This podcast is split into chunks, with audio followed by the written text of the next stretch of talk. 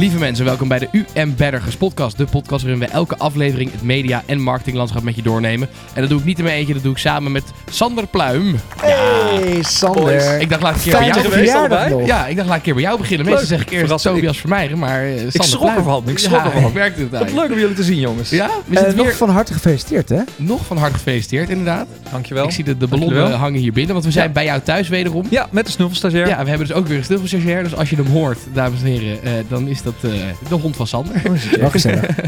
En aan de andere kant zit eh, Tobias Vermeijeren. Hey, jongens. Ja, jongens, jongens. Kappertje geweest? Ah. Wel een heel zomers brilletje in je haar. Ja, Dat is- toch? Ja, jongens, 20 graden. het is gewoon lekker, het is gewoon lekker Het lente, is zomer. Het is de look. Ja. Het is de look. Het brilletje. Het Ja. is de look. Hij doet het, Het is de lente. Hij Het Het is de lente. Ja, het is het is de begonnen. En mijn naam is eh, Luc Dreesen. Luc. Dankjewel, dankjewel. Fijn dat je er weer bent. Ja, zeker, zeker. Vers uit de poeders, nou, van Nederland. poedersneeuw. Nou, dat was, dat was meer slushpuppy. Ik, eh, Als je er een aardbeiensmaakje aan deed, dan had je het gewoon voor 4 euro per glas kunnen verkopen in de pijp. Heb jij Lekker. ook in het Sahara eh, zand geskiet? Zeker, zeker. Hoe was Hoe dat? was dat? Nou, dat was best wel lachen. Want je, daardoor had je een soort van opeens, eh, als het zicht dan niet zo goed was, had je dan had je wel een soort relief in de sneeuw. Want je kon natuurlijk zien waar dat nog een beetje bruin was en Ja, waar dan ja. wit eronder zat. Dus je had opeens best wel goed relief. Dus dat was eigenlijk wel fijn.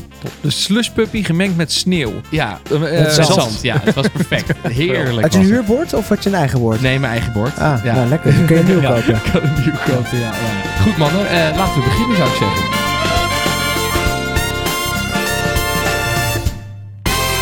Even kijken, we gaan beginnen. eh, eh, en we dachten, laten we. We hebben vorige week natuurlijk, vorige week, vorige aflevering, het uitgebreid over Rusland gehad. We dachten, laten we even kort daarop terugkijken en eh, de situatie nu eh, heel kort even bespreken. Ehm, volgens mij eh, zijn er inmiddels ook weer steeds meer merken die zich terugtrekken uit Rusland. Eh, onder andere eh, eh, IPG, ons eigen bedrijf natuurlijk, is Ja. gestopt met eh, Ja. activiteiten in Rusland. Ja, IPG is gestopt in navolging van WPP. Die waren geloof ik het eerste. Ja. En volgens mij heeft Accenture en, en ehm Publicis zijn er ook achteraan Denso gekomen. ook. Ja. Dentsu inmiddels ook. Eh, met doorbetalen van het salaris van alle personeel in Ja. Rusland. Dus de activiteiten worden gestaakt, maar de mensen En worden alle wel activiteiten zijn gestaakt. Ja. ja, wat ik wel impressive vind en hier wel even wil noemen, Ja. is ehm, met alle ellende die er aan de gang is, ehm, eh, is de schoonheid van de gezamenlijke inzet die Ja. je ineens weer voelt. Een beetje die solidariteit die je misschien wel in het begin van COVID ook met z'n allen gevoeld hebt. Die voel je Ja. nu ook wel weer in het land. Maar wat ik wel bijzonder vind om te zien is eh, en om te merken is dat je nu toch wel vanuit UM zijnde ehm, onderdeel bent van het IPG Media Brands Ja. netwerk. En daar komen wel echt hele bijzondere activiteiten op gang om, om mensen in die moeilijke gebieden nu te helpen. Ja. En dat vind ik wel impressive. Ja. ja, en je ziet wel dat gewoon merken er steeds meer ver- ver- verwikkeld raken in die oorlog. Omdat gewoon ja, steeds meer merken eruit stappen. En steeds meer merken ook soort van verwacht. Er wordt verwacht van merken dat ze eruit Ja. stappen. Ja. Eh, en er, zit, er komen vanuit Rusland ook wel ja, eh, tegen, tegenbewegingen. Want eh, er zijn mensen die worden gearresteerd van die bedrijven. Er worden goederen in beslag genomen, panden in beslag genomen. Ja. En jij vertelde een verhaal van iemand, eh Ja. Toby. Ik hoorde via via ook dat gewoon mensen persoonlijke titel... eh, nou ja, uiteindelijk als je als merk zijn dat je terugtrok... en je bent dan in Nederland eh, degene die verantwoordelijk is voor het merk... dat je persoonlijke titel dus een brief krijgt van het Kremlin... die zegt, joh, eh, als je naar Rusland komt, word je gearresteerd... dan ga je zeven jaar de bak in. bizar. Ja, echt Als bizar. eh, gevolg. Ja, en wat ik wel lastig vind, eh, vind, moet ik eerlijk zeggen, er zijn heel veel slachtoffers in deze oorlog. En ik vind ook echt dat er veel, hè, als ik kijk naar Russische collega's vanuit ons UM-team ook, Ja. die zijn ook zeker het slachtoffer. Zeker. Moet je voorstellen dat hier iemand eh, gekke acties uitvoert. Wij zijn allemaal onze baan kwijt. Ja. Ik vind het echt wel heftig. En ik vind het ook wel eh, opvallend dat, en goed misschien ook wel, dat sommige merken zich daarom ook zeggen, joh, ja, weet je, we hebben geen banden met het Kremlin, maar we willen wel mensen blijven voorzien van eten in dat land. En daarom bepaalde keuzes maken om niet volledig een business weg te Ja, het trekken. is, wel, het, is- het is ergens gek dat er, of nou gek, de, de, de verwachting dat iedereen en elk bedrijf daar maar stopt, is denk ik ook niet per se Ja. terecht. Ik bedoel, Ja. niet elk bedrijf daar zou zomaar moeten stoppen. Eh, het is natuurlijk heel erg afhankelijk Ja. van hoe sterk je banden met het Kremlin zijn, inderdaad. En Ja. hoe erg je bijvoorbeeld inderdaad het Russische volk ondersteunt met Maar eten dat, of dat andere het goederen. conflict eh, ingewikkeld is, dat... eh, Ja, goed, dat, hadden we is natuurlijk echt vorige zo. aflevering Ja. ook al Ja, vastgesteld. absoluut. absoluut. laten, we, laten we verder gaan met onze spotjes. Eh, wie wil beginnen, Nou, we- jongens? wat ik nog wel interessant vind om te benoemen, en dat is wel omdat het ook wel begint te gonzen en we het dadelijk over creativiteit gaan hebben. Can Lions heeft dus ook Rusland geband. Ja. Die vind ik ook nog wel bijzonder om even te noemen. Dus ook creatief gezien eh, is er geen ruimte meer om nog, eh, om, om Je bent nog mee te doen kan. het- Ja, om Russisch te zijn eigenlijk. Dat is eigenlijk, maar dat is eigenlijk de botte Nee, conclusie, toch? Ja, ja. Goed, nou laten we dan eh, naar het sportje gaan. Ja, je bent nu toch aan het woord, Sander. Eh zullen we bij jou beginnen? Nou ja, eh, als je het hebt over een verbod. eh, het, kabinet, het kabinet is drukdoende met een verbod op, eh, op eh, de gokreclames in Nederland. Ja. Ra, ra, ra. Wie had dat verwacht? Ik. Nou, wat ik dus wel heftig vind, is ze hebben dus heel, ik bedoel, ze zijn hier al heel lang mee bezig. Er zijn al heel veel jaren dat ze hier beleid op aan het maken zijn. Ja. En dan toch besluit je, ondanks dat het beleid eh, eh, helemaal uitgekristalliseerd is, je hebt jaren de tijd gehad om erop voor te bereiden, dat we dan vervolgens het gaan verbieden. Denk, je ja, dan is er echt Zijn- iets misgegaan. Hoe, hoe, wat mij echt een raadsel is, is hoe je verbaasd kan zijn over wat er nu gebeurt.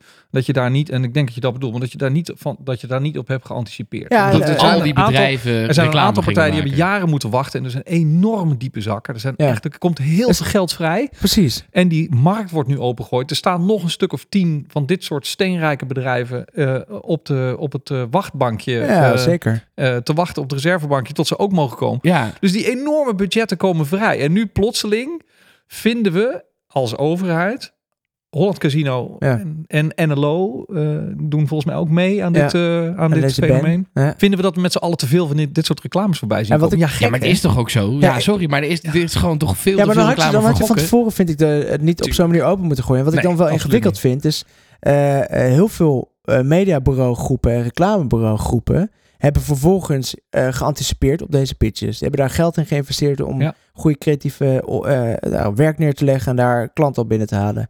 De, de afspraken bij adverteerders zijn allemaal ingestoken op wetende dat er een x-percentage naar gokpartijen gaat. Ja. Al, die, al die afspraken, die investeringen, dat, dat ver- verdampt dan in één keer Ja, als deze oké. beslissing worden. Eens, Dus het is maar gewoon een andere- hele- Ja, maar het is wel ook gewoon een volksgezondheidskwestie, toch? Ja, tuurlijk, maar dan Tuurlijk, hadden ze dus- van tevoren nooit dit nee, oké. dus, opengooien. de, de, Dus dan- dan er snap van- ik niet Er is aan de voorkant wat fout gegaan, maar Ja. dat er aan de voorkant wat fout is gegaan, betekent niet dat je dat achteraf niet zou moeten corrigeren, toch? Nee, nee, maar volgens mij zijn we het met elkaar eens. Dat zeker. het corrigeren ben ik mee eens, maar ik denk wel de manier Luc, waarop volgens het gecorrigeerd zou met moeten worden. Ja, maar jullie, zeggen, jullie, brengen, jullie brengen het net nu alsof het heel erg is dat Nee, er nee, weer een. Want ergens is, is dat het kalf blijkbaar weer moet... eh, hoe zit het ook weer met die put en dat kalf? De keutel, Ja, ja. de keutel wordt ingetrokken gewoon. Ja, dat is, dat is het. Ja. Ja, Maar er is dus aan de voorkant heel veel fout gaan Ja, maken. ja. ja en dat, dat is wel fascinerend dat dat eh, heeft kunnen gebeuren. Dat is Wel, zeker waar. En treurig. En, en treurig. En teleurgesteld zijn. Maar goed, eh, nog ze gaan er wat aan doen. Eh, en dat is, dat is denk ik wel goed. Eh, de, laten we wel even heel kort stil blijven staan bij eh Annie van der Meijden. Die hier natuurlijk ernstig de dupe ja, van die, wordt. die, eh, Arme jongen. hij heeft zelfs een nieuw boek moeten schrijven omdat het geld op was daardoor, Ja. denk ik. Ja. Ja, nee, verschrikkelijk. Zo dit zo'n lekker transfertje had gemaakt. Over zuinig gesproken. ja, je bent wel van de berichten Wat een bruggetje. Van- Wat Sander, een goed bruggetje. Niet normaal. Vertel, waar gaan we naartoe? Nou, we gaan naar. Zeeman, jongens. We gaan naar Zeeman. Ja. Ze hebben er weer een. Ehm, het is een eh, nieuwe campagne van Zeeman. Hij heet Zuinig. Het is, niet, eh, een, het is eigenlijk niet alleen een campagne, maar het is een hele productlijn die is geïntroduceerd. En eigenlijk is de gedachte, de doelgroep is gen, eh, generatie Z. Eh, en en eh, het inzicht is dat generatie Z heel zuinig blijkt te zijn. Nu weet ik dat ik hier met een stel boomers aan tafel zit, want jullie waren voorheen jong. Dat zijn jullie niet meer. Sorry. Zo jammer. Ik ben geen generatie Z. Nee, dat, daar kan ik me Al- niet tot, tot, tot rekenen. Nee. Eh, en, eh, nee, en dat weten we, want jij bent niet zo zuinig. Generatie Z blijkt heel zuinig te zijn. Ja. Eh, en ehm, en eh, Zeeman haakt daarop in door eigenlijk eh, dat te omarmen en te zeggen: zuinigheid is eigenlijk iets heel goeds. Het heeft een hele eh, soort van negatieve connotatie, Ja. eh, maar dat is het helemaal niet. Het is hartstikke goed, want zuinigheid. eh, betekent ook dat je dingen kan gaan recyclen en dat je kan hergebruiken Ja. en, ehm, nou ja, en verduurzamen zo je wil. Ehm, en daar hebben ze een campagne rondom gemaakt met een productlijn. En waar ik dus heel blij van word bij deze campagne van Zeeman ten opzichte van sommige andere prijswinnende campagnes die ze gedaan hebben. Dit is nou iets waarvan ik denk, hey, dit is bedacht op het merk en ook voor de doelgroep. En niet Ja. om te laten zien, wij van Zeeman hebben weer een, een prijswinnende campagne gemaakt voor de bühne, zeg maar. Ja. precies. Dus het is iets wat Hij een businessmodel raakt. Want uiteindelijk door mensen eh, Op een heel zeg maar zuinig te, te reframen, zullen meer mensen uiteindelijk ook naar de Zeeman gaan. Want dat Ja. staat natuurlijk voor Ja. eh, mensen die goede kwaliteit hebben, Ja. willen voor niet te duur prijsje. Goedkoop. Maar ik, het is wel, ik vind het een beetje. eh, Ik vind de, de zuinig in de kant van. Eh, hè, we, we, mensen willen, moeten zuinig zijn en geven weinig geld uit. Dan ga je naar Zeeman, want daar, daar is alles heel goedkoop. Die geloof ik heel erg. Dat, dat vind ik een goed idee. Maar de kant dat ze er dan ook zuinig in de zin van duurzaam en dat aan plakken. Daar ben ik wel echt ver, fel op Nou, tegen. eigenlijk Want maken het ze is natuurlijk- zuinig hip. Ja, maar het is natuurlijk wel gewoon hè, de, zo goedkoop mogelijk bij de zeeman kopen. Is niet goed voor, Nee, maar het voor de gaat planeet. het En meer daarom, dan dat, om, hè? precies om die reden hebben ze een samen, zijn ze samenwerkingen aangegaan met een aantal eh, eh, bedrijven en fabrikanten die dus wel eh, gerecycled fabriceren. Ja, maar dat, vind ik, dat blijf ik toch altijd dan lastig vinden. Want echt goede, zuinige materialen die echt goed voor de planeet zijn, dat is vaak wel echt duurder dan wat je er bij de zeeman voor neertelt. Dus ik, dat blijf Laten ik we- lastig vinden. Laten we hopen dat ze deze hebben dichtgetimmerd. Precies. Even kijken, had je verder nog dingen gezien, eh, Sander? Ik wou zeggen over dichtgetimmerd gesproken, maar dat is een bruggetje van niks. Ja, ja. Yvonne Prins, deze is voor jou. dat is een mooi bruggetje, zou ik zeggen, naar eh, Heineken. Ehm, want we moeten toch langzaam maar zeker ook eh, naar wat, eh, wat digitalere kwesties. De metaverse, waar we vast en zeker zo op terecht gaan komen. Nou jongens, we houden van de metaverse. En wat kunnen we nu eigenlijk in de metaverse? Bierproeven kan je tegenwoordig in de metaverse. Bier proeven. Bierproeven. Oké, oké. Heineken heeft een nieuw product eh, geïntroduceerd, of een nieuwe smaak, eh, Heineken Silver. En Ja. Heineken Silver heeft een, eh, is getarget op een jongere doelgroep. En daarom hebben ze ter introductie van de nieuwe smaak eh, een bierbrouwerij gebouwd in Decentraland. Ofwel de metaverse. Oké. Eh, Decentraland is een plek waar je, hè, daar vind je galerieën onder andere en kledingwinkels en allemaal digitaal. En Heineken heeft daar een bierbrouwerij nagebouwd. En die bierbrouwerij, ja, daar kan je dus van alles. Daar zit ook een kroeg bij, dus daar kan je ook mensen ontmoeten. En je kan er dus ook bier proeven. Maar, Sander- wacht even, ik heb hier twee, twee vragen bij. Ten eerste, eh, hoe doe je bierproeven eh, Precies. digitaal? Dat is eh, heel Dat raar. he- heel En gaat hier niet iets mis met zeg maar het, het product en de doelgroep? Want ik weet niet, ik ken heel dat Decentraland niet, maar ik kan me zo voorstellen dat de mensen die dat spelen nog niet oud genoeg zijn om bier te mogen drinken. Al helemaal niet in Amerika, waar dit Maar je Decentraland weet, de volgens mij is vooral- mother of all fuck-ups, hè? Ja, dat zou zomaar kunnen. Maar ik, heb jij ooit van Decentraland gehoord of het gespeeld? Nou, kijk, weet je wat het is? Er, is, er heerst een een of andere eh, idee dat er vooral heel veel jongere, echt jonge mensen op metaverse-achtige open world eh, gaming platformen zitten. Maar we zien steeds meer verschuiving richting een oudere doelgroep vanaf 18 jaar. En zeker Ja. de hard stijgende doelgroep binnen dit soort omgevingen zijn de mensen tussen de 25 en 35 jaar oud. Dus daar, daar zie je de meeste nieuwe gebruikers. En ik denk dat ze dat wel hebben dichtgetimmerd met allerlei...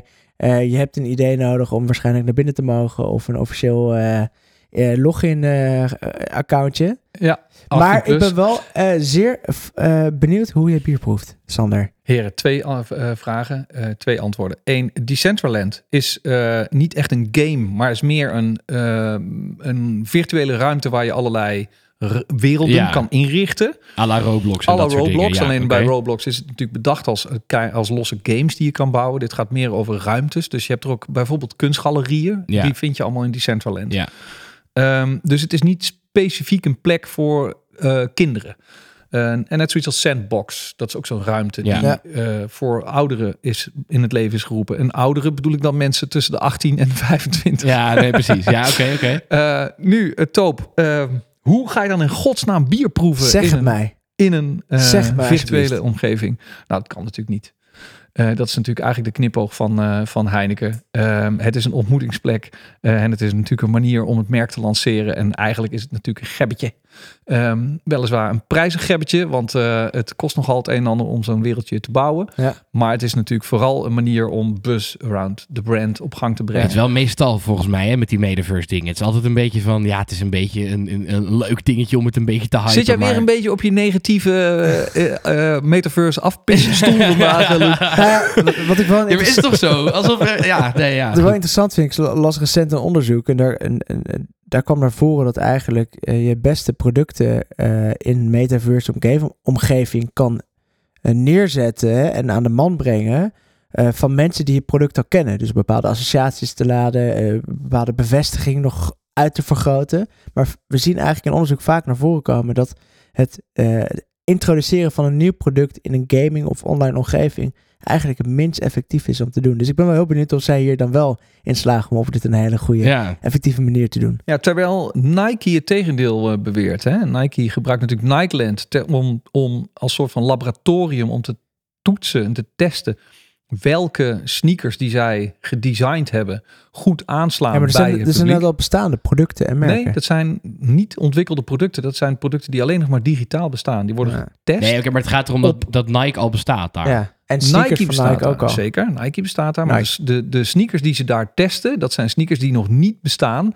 Die testen ze op, Ja, eh, om te kijken welke eh, merken, welke types het meest gewild zijn, voordat ze worden uitgebracht. Goed, ik ben heel benieuwd. Ik ben sceptisch over het bierproeven eh, online. doe ik toch liever dan in een kroeg. Ja, Maar helemaal eens. Helemaal eens. Bierproef, bierproeven online is... ik, ik ben benieuwd wat Heineken eruit had. Eh Toby, zullen we naar jou gaan? Nou, vooruit dan maar, jongens. Eh, ja, ik heb natuurlijk ook wat dingen voorbij. Ten eerste was natuurlijk een recent South by Southwest. Eh, het grote, leuke, digitale, kunst, weirde-achtige festival. Een collega van ons, Serge, is erheen geweest. En die heeft hele toffe vlogs erover uitgebracht. En gaat ons ook binnenkort inspireren over South by Southwest. Maar South by Southwest zou South by Southwest niet zijn als er iets heel vets van een grote digitale eh, label of merk wordt aangekondigd. En deze keer was het Facebook. Mark Zuckerberg dropte even de we gaan ook NFT's op Instagram bom Ja. eh, ja. eh, recent. En ik ben wel benieuwd, sorry trouwens voor bom, dat is misschien in deze tijd niet heel erg netjes om te roepen. Maar in ieder geval, ehm, wat hij gaat doen, dat was een beetje net als met de Hij heeft er metaverse. helemaal niks over Hij gezegd. heeft er niks Nee, over het gezegd. Een soort van, Maar hij zei, wacht jongens, wij krijgen ook zo meteen Ja, NFT's. Maar daarom noemen we het een bom, hè?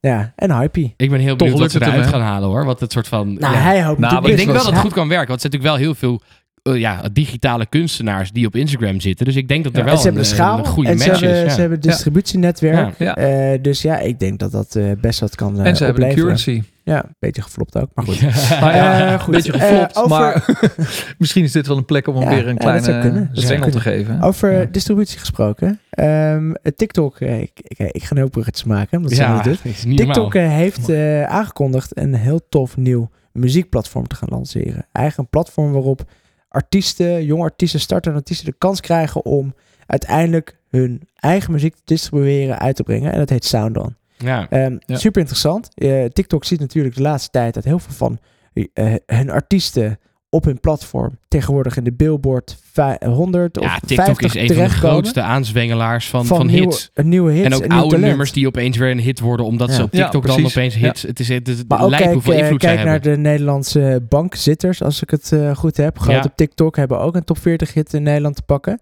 Dus opvallend genoeg, eh, TikTok begon natuurlijk ooit als Musical.ly. Wat een platform was waar Ja. mensen gezellig... Kinderen echt. Hè? ja, kinderen eigenlijk Kinderen, gewoon nummers dansjes. konden nadoen met een dansje en een liedje. Ja. Toen is het veel meer een creators platform geworden. En nu zien we toch ook dat ze het hele stuk sound en music distribution en, en eh, bijna artist management ook eh, gaan omarmen. Dus ik ben heel benieuwd wat Ja. er verder gaat komen. Heel vet. Blijf ik jongens nog eventjes in de muziek en de geluiden. Ehm, zoals jullie waarschijnlijk van mij wel weten, eh, praat ik niet met jullie op WhatsApp in tekst, maar in gifjes. Gifjes. Ja, sorry daarvoor. Om doodziek van te De worden. mensen die luisteren, die herkennen Zeg dit ook gewoon wel wat van je mij. bedoelt, man. In plaats dat ik weer een sticker. plaatje moet gaan zitten Ja. raden. Ja, nou ja. En nu komt er iets wat jullie waarschijnlijk gaat helpen, eh, omdat ik me beter verstaanbaar kan gaan maken. Er komt een nieuw platform naar Nederland en dat heet Voicy. Ja, top. Voicy is een, eigenlijk het, de, de, de, nou, de sound tegenhanger van Giphy, waarin je heel leuk geluidsfragmentjes met elkaar kan delen. Dus korte snippets van geluid. Nou, Ja. Ik ga er blij van worden. Dus eigenlijk een beetje daarbij dumper voorstellen? soundboard, Ja, toch? denk Gewoon dat je bijvoorbeeld aan, gewoon... je eh, hoeft niet te denken, schat, of eh, de motherfucking snakes. winkelvriend. Ja, motherfucking snake en de motherfucking plane. Dit Ja. soort Maar het is eigenlijk is dit gewoon dus de dumper soundboard. Gewoon, die, volgens mij zit hij niet meer in de app. Volgens mij is dat eruit. Maar Ja, zonde dat, eigenlijk. Dat je dus gewoon, doen. dat je Ja. gewoon, ja, allemaal kun je dan waarschijnlijk bekende straks met- soundbites. Met WhatsApp of Facebook Messenger. Ja, Dat- precies. ja, ja. al, die, al dat soort dingen. Ja, maar ik vind het Bij heel de leuk. Lidl Ja. gekocht. Ja. nou, jullie, jullie snappen wel, ik ga helemaal los Ja, hierop. ja, dus eh Dit wordt binnenkort kunnen jullie Nou, ook iets horen van mij als nou, ik nu we het toch over audio hebben, zal ik dan ook maar een bruggetje maken. Ehm, bezig. ik heb gezien dat Spotify de nieuwe hoofdsponsor wordt van Barcelona, jongens, jongens. wat vinden we daarvan? Nou Vier ja. Jaar lang, 70 miljoen per jaar. En het meest saillante detail vind ik toch wel, is dat Camp Nou Spotify En- Camp Nou gaat heten. ja. En dat Ja, is wel, vind ik kijk, echt wel heel bijzonder. Barcelona is natuurlijk heel, heeft heel lang sponsors überhaupt gewijzigd. Ze hebben heel lang zonder shirt sponsor gespeeld. Ja. Eh, Unicef, hè, toch? Ja. ja, op het gegeven moment inderdaad UNICEF, maar dat was dus niet de sponsor. Dat was een soort van goede doelen ding. En op een gegeven Toen moment ging het allemaal nog goed daar. hè? toen ging het er hartstikke goed. Toen werd en er toen nog op een geld gegeven moment gingen ze zwaar in de, in de schulden. Toen hebben ze toch maar die shirtsponsors toegelaten. En nu dus Spotify, die eh, ja, in totaal eh, iets van, eh, nou wat zal het zijn, 280 miljoen daarin gaat investeren eh, in sponsoring. 280 miljoen. Ja, Voor hoeveel jaar? ja, je hebt 70 miljoen per jaar, dus eh, vier jaar lang. Dus eh, dan zit je op, oh, dat is meer zelfs dan eh, 280 miljoen. Hij ben 7 keer benieuwd 4 wat- is, eh, komt wel Ja, wel, inderdaad. Nee, ik had, ja, 280. precies. Ik had het wel goed. Nee, ik, had, ik, zat, ik zat opeens even te twijfelen aan mijn eigen rekenkunsten. Nee, En dat de- voor iemand uit Delft. Ja, precies. Nee. Maar dus, eh, ja, ze gaan dat... begint dus, op de gele kant de overhand. eh, nee, maar dus, ja, ze gaan daar sponsoren. En het, ze worden de shirt sponsors. Ze gaan dus inderdaad eh, ja, de, de, het, het stadion sponsoren. En het idee is natuurlijk dat Barcelona gewoon wereldwijd, vooral in Latijns-Amerika en in, in, in Azië, heel populair is. Ook Ja. onder jongeren. Dat het gewoon heel populair merk is. En ze hopen daarmee natuurlijk wereldwijd Denk je dat, dat te ze ook groeien. producties eh, gaan doen? Want ik heb in het verleden wel eens gezien bijvoorbeeld dat eh, Spotify ook ging eh, partneren met eh, Premier League clubs. Waarbij Ja. bepaalde voetballers gingen delen wat voor muziek ze aan het luisteren waren. Ehm, Die verwachting is er wel, ja. Dat ze of dat gewoon we krijgen we dan een speciale Barcelona-podcast en zo. Xavi podcast. Ja, nou, dat, die kans is wel groot. Ja, dat zit er wel de man in. die je tijd deed keren. Ja, daar zullen De ze vast over na hebben Xavi-podcast. gedacht. Ja, ja 100%. Ehm, even kijken, ja, verder ja, over podcast gesproken. Eh, ja, de bruggetjes gaan wel heel soepel vandaag. Niet normaal. Yvonne opletten. Ja, eh, eh, ja, Podimo jongens. Ja, ik, ik zei het net tegen jullie. Jullie hadden hier allebei nog niet van gehoord. Podimo. Podimo is een, eh, een, een podcastbedrijf. Het komt uit, eh, uit Kopenhagen, Denemarken. Daar is het in 2019 opgericht. En eh, ja, zij hebben, sowieso zijn ze in de noordelijke landen zijn ze veel verder in het, op het gebied van podcast. Zeker. En Podimo is eigenlijk een, een ja, subscription-based podcast. Ja. Eh, dus een beetje hetzelfde als, als Spotify, als, als Netflix. Het idee is dat je 5 euro per maand betaalt en dat je dan toegang krijgt tot allerlei exclusieve podcasts. En dat kan dus Ja. zijn, eh, nou, wat nu heel veel podcasts hebben, natuurlijk achter het muurtje, dat je dan geld betaalt en dan achter het muurtje mag. Eh, dat, dat, dat gaat daarin zitten. Maar er gaat Ja. ook in zitten dat je gewoon e- helemaal exclusieve podcasts voor Podimo hebt. Ik eh, kan uit ervaring vertellen dat ze daar mee bezig zijn om gewoon alle Oh, grote Oh, podcasters. oh, eh, primeurtje. nou, Ik- er- wij hebben niks gedaan, maar ik weet dat eigenlijk bijna elke grote podcast in Nederland daarmee bezig is. Want ze Ah, ja. betalen gewoon godgruwelijk veel geld. Eh, dus ze zijn, de, de kans is heel groot dat ze over een paar, paar weken alle grote podcasters gaan aankondigen. Wij gaan naar jammer, Podimo. want eh, beperkt wel weer. eh, we zijn net podcast-netwerken beginnen net interessant te worden voor advertising. ja, We beginnen net een beetje door te krijgen en te begrijpen hoe we daar op een slimme manier mee om kunnen gaan. En nu gaat alles dus achter het muurtje. ja, nou het is wel zo dat sponsoring nog steeds mogelijk blijft. In-program. Dus in-program sponsoring. Volgens mij inderdaad advertenties, dat ga je niet krijgen. Eh, maar het, is, het idee is dus inderdaad, Podimo wordt gewoon een podcast-app. Net zoals nu Apple Podcast of Spotify. Dus je kan ook gewoon alle open RSS, eh, die kan je gewoon beluisteren. Dus net als dat je via Apple Podcast alle podcasts kan beluisteren, kan dat ook via Podimo. En je kan dan dus bij Podimo een abonnement gaan afsluiten, waarmee je dan dus toegang krijgt tot nou ja, honderden exclusieve podcasts. Eh, het zou ook heel goed kunnen dat, dat merken of dat podcastmakers zeggen: oké, we houden onze normale podcast gewoon openbaar beluisterbaar via allerlei apps. Maar bij Podimo kan je achter het muurtje komen, kan je abonnee worden. Ehm, Mag ik een eh, dus voorspelling een, doen? Jij mag zeker een voorspelling doen. Spotify komt ook uit Scandinavië. Ik denk dat Spotify binnen drie jaar Podimo gaat overkopen. En gaat integreren binnen hun... Ja, nou wat het grappige is. Podimo heeft dus echt ziek veel Ja, eh, eh, investeringen binnengehaald. Ze hebben echt iets van 125 miljoen binnengehaald. En ze zijn nu zo hard aan het kopen. Die zijn, echt, die, die zijn er wel op uit om, om Ja, maar daarom Spotify denk zeg maar, dus- over te nemen. En maar daarom denk ik dat Spotify... Die heeft nu, is kapitaal veel krachtiger dan Podimo. Ja. Voordat ze te groot worden en zij hun gaan overnemen. Ja, die kans is wel aanwezig. Ja. Ik ben heel deze, benieuwd. bij deze Bij gooi ik deze hem... de eh, voorspellingen. Glazen bol, goed. glazen Ja. ik heb hem is wel wat je veel ziet natuurlijk in deze industrie. als, het, als ik het Ja. verkeerd heb. Eh, goed jongens, ik denk dat het eh, tijd is eh, om eventjes naar een wc-eend te gaan. Wij van WC Eend zijn blij met het succes van WC Eend. Ja, de wc-eend. Mannen, eh, wat, wat gaan we vanuit UM willen vertellen vandaag? Nou, zoals jullie weten zijn gaming en e-sports hip en happening. Ja, We hebben een expert hier aan tafel. Die heeft daar wel eens het een en ander over verteld. ja want hij had zelf zijn eigen rubriekje. Maar het is nu zo groot geworden dat ik mijn eigen rubriekje niet meer is, mag hebben. het is hem volledig ontstegen. Gaming en e-sports are here to stay. En um, zijn wat ons betreft, dat prediken we hier natuurlijk al een tijdje, eigenlijk een vast onderdeel van de strategie. En je zal zien dat binnen nu en de komende eh, eeuw- eh, jaren, Eeuwen. eh, eeuwen mag ik zeggen, kan ook. ehm, niet meer weg te denken is uit de verschillende campagnes. ja. Ehm, en wij lopen daarop vooruit. Eh, wij geloven erin. We zien dat die industrie steeds harder groeit en dat het een steeds manifestere plek krijgt in de, in de communicatieplannen. Ja. Eh, en dus eh, zijn wij op zoek gegaan naar een partner om daarmee te teamen en om te kijken hoe we samen dit stuk van het medialandschap ons eigen kunnen maken en daar hele gave campagnes voor kunnen maken voor onze klanten. En ehm, we hebben in Two Basics die Invaders uit Haarlem daarin onze partner gevonden. En zij zijn eigenlijk het meest toonaangevende bedrijf daar waar het gaat om in-game concepting en eh, om eh, eh, met gaming publishers partnerships te sluiten. En dus zijn we met hen een strategische samenwerking aangegaan en daar zijn we knijter blij mee. Vet. Ehm, en wij denken dat we de komende jaren met deze partnership hele vette campagnes kunnen maken ehm, ik, ben, ik ben heel benieuwd. voor onze klanten. Goed jongens, dat was, eh, dat was weer de wc-int. En daarom adviseren wij van WC Eend, WC Eend. Ik vond het een, ik vond het een bescheiden wc-int vandaag. Ook, ook al ging het echt over onszelf. Ik vond dat jullie een eh, bescheiden instaken. Ja, had hij, Gelukkig. kan wat groter? Nee, dat, maar dat is goed zo. Dat is, dat, is, dat is alleen maar fijn. hey mannen, we gaan het hebben over ons hoofdonderwerp vandaag. Namelijk de status van de creativiteit in de reclamewereld. Hier waren jullie allebei, kwamen jullie met verschillende onderzoeken aanzetten. En jullie zeiden, hier moeten we het eens even over gaan hebben. Ja. Eh, ik ben heel benieuwd. Toby, wil jij beginnen? Nou, zeker wil ik beginnen, jongens. Ehm, ik merk eh, de laatste tijd en dat de creativiteit een beetje verdwijnt uit het vak. Ehm, dat klinkt misschien heel erg apocalyptisch en heel erg heftig. Ehm, maar het heeft denk ik met het volgende te maken. We hebben steeds meer data, we hebben steeds meer informatie en we kunnen steeds beter analyseren eh, en sturen op effect, korte termijn effect. Dus hoe zorgen we ervoor dat mensen doorkijken? Hoe zorgen we ervoor dat we impressies opleveren of kliks? Dat doen we met pre-testen, dat kunnen we allerlei onderzoeken uitvinden. En dan komt vaak naar voren de tekst moet groter of moet knipperen of het moet binnen anderhalf seconde begrijpbaar zijn. En eh, wat ik zie gebeuren is dat we steeds eigenlijk veel meer focussen op ratio, eh, steeds meer focussen op expliciet en steeds minder kracht leveren en, en, en focus leggen en creatie op emotie, eh, impliciete communicatie, oogcontact, softere waardes.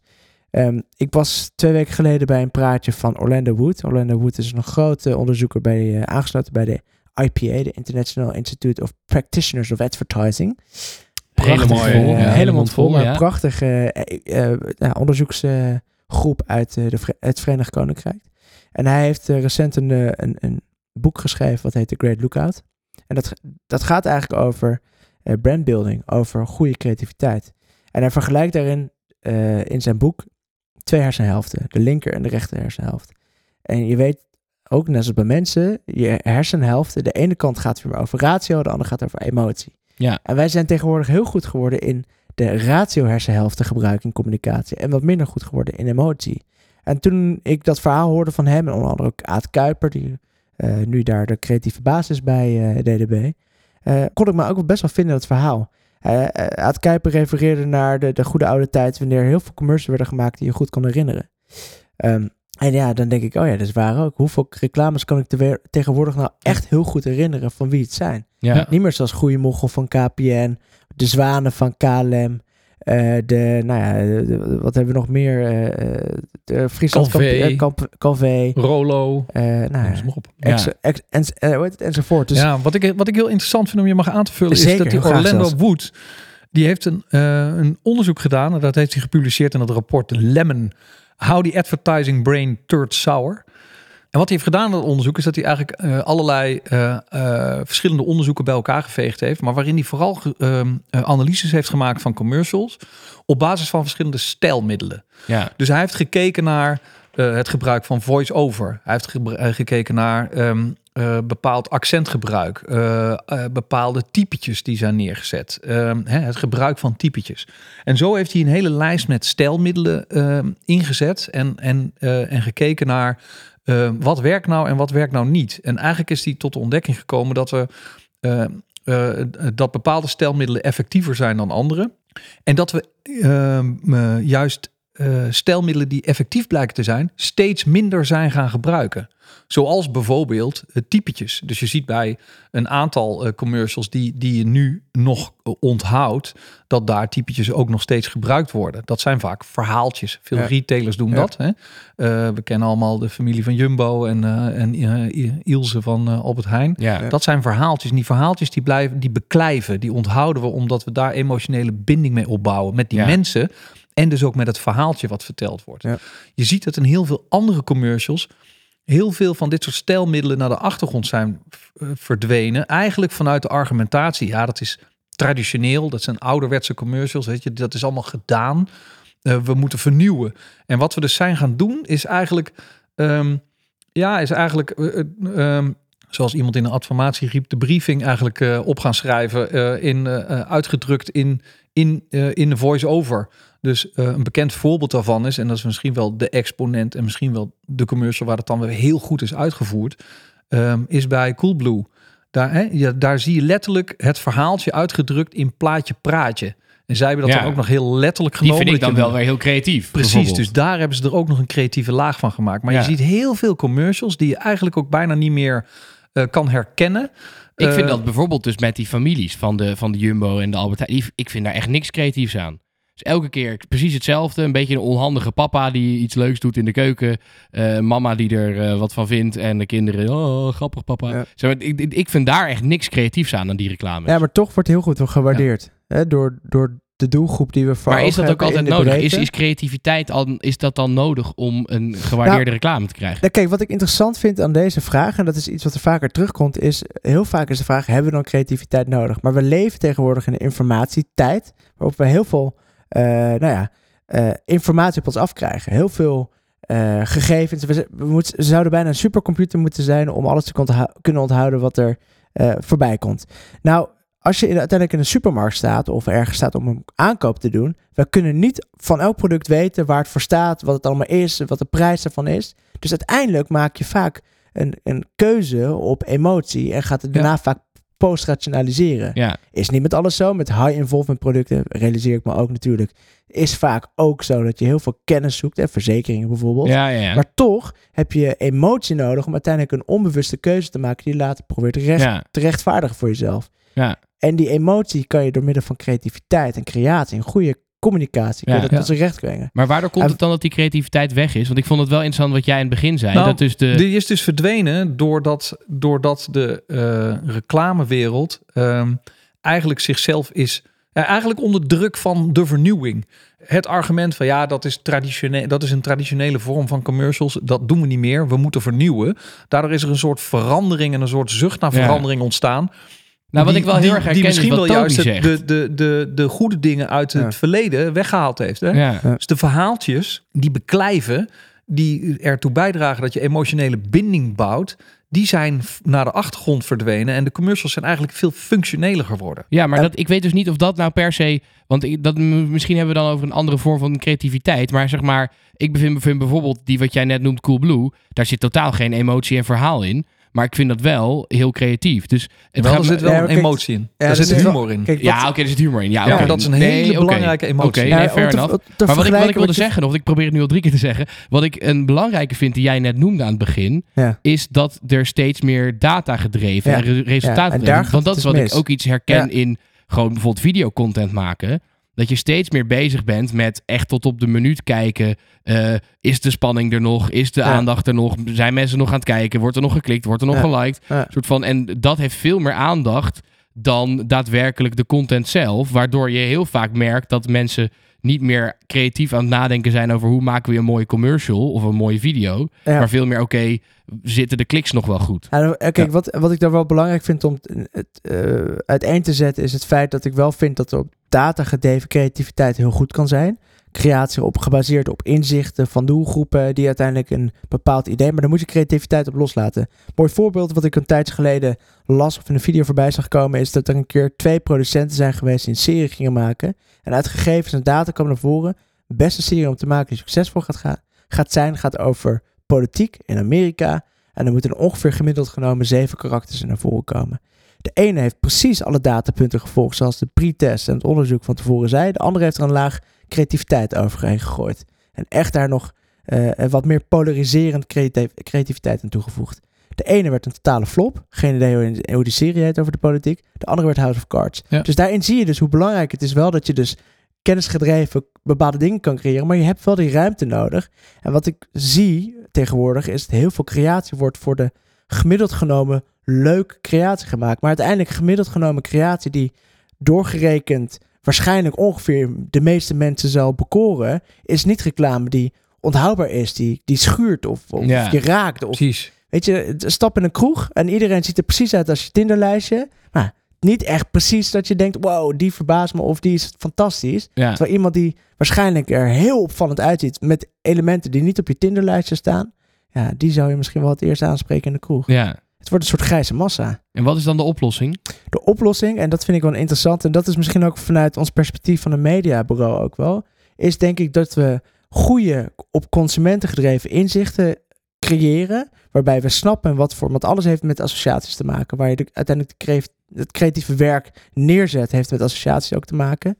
Ehm, wat ik denk dat heel belangrijk is, dat steeds meer merken het lef hebben om gebaseerd op inzicht een creatief idee te maken, maar wel de creatieve de ruimte geven om daar wel iets schurends en niet polariserends te maken. En ik Ja. realiseer me dat polariserend tegenwoordig in de huidige tijd Dat is een vies misschien een negatief Vies woord en vies is, woord ja. is. Maar ik snap toch wat je bedoelt. Ja. Is dat wel wat we, waar we naar Nou, op de zoek zouden koppeling tussen data en creativiteit, die, die, die is er nog niet voldoende. Dit zijn nog steeds twee gescheiden werelden die elkaar proberen te vinden, maar nog onvoldoende elkaar hebben gevonden. Is het En niet het ook zo echt- dat die, dat die data er soms voor zorgt dat merken dus bang zijn dat als je dan net even dat stapje verder Zeker. neemt, dat Ja, het dan niet zeker. goed gaat zijn? Kijk, creatief, maar ook de creatieve wereld heeft de datawereld nog onvoldoende gevonden. En je ziet dat er wel beweging aan de gang zijn waarbij creatieve bedrijven, eh datagedreven bedrijven elkaar vinden en, ehm, en samen gaan werken Ja. of zelfs Ja. mergen. Ja. Eh, maar ehm, de creatieve wereld heeft ook nog onvoldoende Ja. toegang en eigenlijk eh, een methodes gevonden om echt scherpe inzichten te formuleren uit die data waarmee, waarmee ze hun magic kunnen doen. En die magic die maakt dat een commercial onderscheidend wordt Ja. en, en Ja. goed wordt en je raakt. En het gevaar dat is wat het moet doen. En waar, Ja. waar wel het gevaar zit, om, om dan nog even een punt te maken, is de data heeft wel de mediabureaus bereikt. En die, zijn toch, die worden geëvalueerd. En kijken, goh, ja, waarom kijken mensen na drie seconden niet meer door? Het moet dus korter. Hè, want de data zegt op korte termijn effect, oh, dus het moet korter, het moet snappier. Terwijl als je over de lange termijn gaat kijken van, oké, wat levert creativiteit aan brand awareness op, aan brand health metrics? Ja, dat kan waarschijnlijk eh, veel belangrijker zijn dan het alleen maar vanuit de mediaperspectief Ja. te, te analyseren. Zeggen, ja, ik heb een commercial gekeken, ik kijk naar mijn Facebook inkoop. Nou, dat na 2,5 seconden haakt iedereen af. Dus Hangt wel een beetje van de doelstelling af. Nou ja, toch? goed, ik vind... Hangt wel een beetje Nee, maar door een brug te slaan tussen eh, mediabureaus en creatieve bureaus, en ik denk dat dat super belangrijk is, denk ik dat je veel beter tot goede creat- creativiteit kan komen. Snap Nou, ik geloof dat je dat uiteindelijk het, beste werk wordt geleverd als beide werelden elkaar weten te vinden. Precies. En drie. steeds meer en beter met elkaar gaan samenwerken. Maar dan dus ook wel een beetje durven schuren. Zeker. Ja, zeker. Zonder Ja. schuring geen geloof. Ja. Ja, Ja. Oh, prachtig. Ja, het is echt, hij, hij Zijn er voorbeelden van uit. dingen die wel eh, goed zijn gegaan de laatste tijd? Is het niet alleen maar eh Nou ja, negativiteit? eh, we hebben natuurlijk altijd nog de gouden lookie. En, ehm, en eh, dat, daar, daar worden in elk geval de commercials eh, bekroond. Waarvan het publiek nog steeds vindt dat het de mooiste zijn. Ehm, dus daar gaan dingen wel degelijk Ja, goed. en als ik, als ik niet- pers- en persoonlijk nog een voorbeeld mag noemen. Ik vind bijvoorbeeld eh eh ASM Bank van Selmore vind ik echt een prachtig emotioneel verhaal waar ze al jarenlang en mee heel bezig creatief, zijn. ook heel creatief gemaakt, gemaakt. is. Ja. Ja. Hè, dus er zijn nog KNGF prachtig gemaakt. er zijn, maar Ook da- Selmore, by. Maar ja, een ASN moet, heeft dan het lef om te zeggen: creativiteit stellen we voorop. Weet je, het moet niet snappy, het hoeft niet kort te zijn. Het zijn mooie verhaaltjes. En we doen vijf jaar of zeven jaar met dit concept. Ja. En niet elk jaar, half jaar denken: we moeten weer iets nieuws maken, we moeten iets nieuws maken. Creativiteit heeft ook tijd nodig. Hè? Er is niet voor niks tijd in creativiteit. Goed mannen, Eh, ik vond het een hele interessante discussie, maar we zijn aan het eind gekomen van deze podcast. Ja. Eh, we gaan natuurlijk niet afsluiten zonder een podcasttip van Sander. Heb jij een, eh, een podcasttip voor ons? De podcasttip van de dag heet Weer een dag. Gijs Groenteman en eh, weet je ook weer die andere, Marcel van Roosmalen? Juist. Ja. Je luistert hem. Nee, je kent ik, hem. nee ik, ik luister hem niet, Nou, je, maar gaat ik ken hem wel. je gaat hem zeker luisteren. Althans, het is wel gênant hoe, je- althans, hoe ik af en toe op straat lachend op de fiets zit. Dat mensen daadwerkelijk denken: wat is er met deze jongen aan de hand? maar het is echt de moeite waard. Het is hysterisch en eh, ehm, een bijzondere aandacht voor deze podcast gaat naar de branded content, ofwel de wijze waarop zij hun partners eh, aandacht geven. Ja. Dit is sponsoring in een nieuwe vorm. ja, ik ben er wel fan van. dus. Ruimschoots amusant is en Ja. echt eh, kostelijk om naar te luisteren. Ja. Eh, even, ik heb zelf ook nog wel een kleine tip. We begonnen natuurlijk deze aflevering even kort met, met de situatie in Rusland. Voor mensen die het... Er zijn heel veel podcasts die hierover gaan nu op dit moment. Maar eentje die ik er wel tussenuit vind, vind springen is eh, Voordat de bom valt. Van eh Jellebrand Korstjes, eh, Ja. gemaakt door Tony Media. Ik weet niet, die heeft op de een of andere manier... eh, spreekt hij mij het meest aan. Eh, een erg goede podcast, 10 minuutjes ongeveer per dag, waarin je Ja. goed eh, wordt bijgepraat door iemand die daar natuurlijk ook gewoon heel veel verstand van heeft. eh, Daar die weten we je wat van, Ehm, goed mannen, ik wil jullie danken voor deze aflevering Ja, ook weer. bedankt, hè? Ja, bedankt. Ehm, tot over twee weken hoop ik. En, Zeker. eh, het, lieve luisteraar, tot de volgende aflevering. Doei.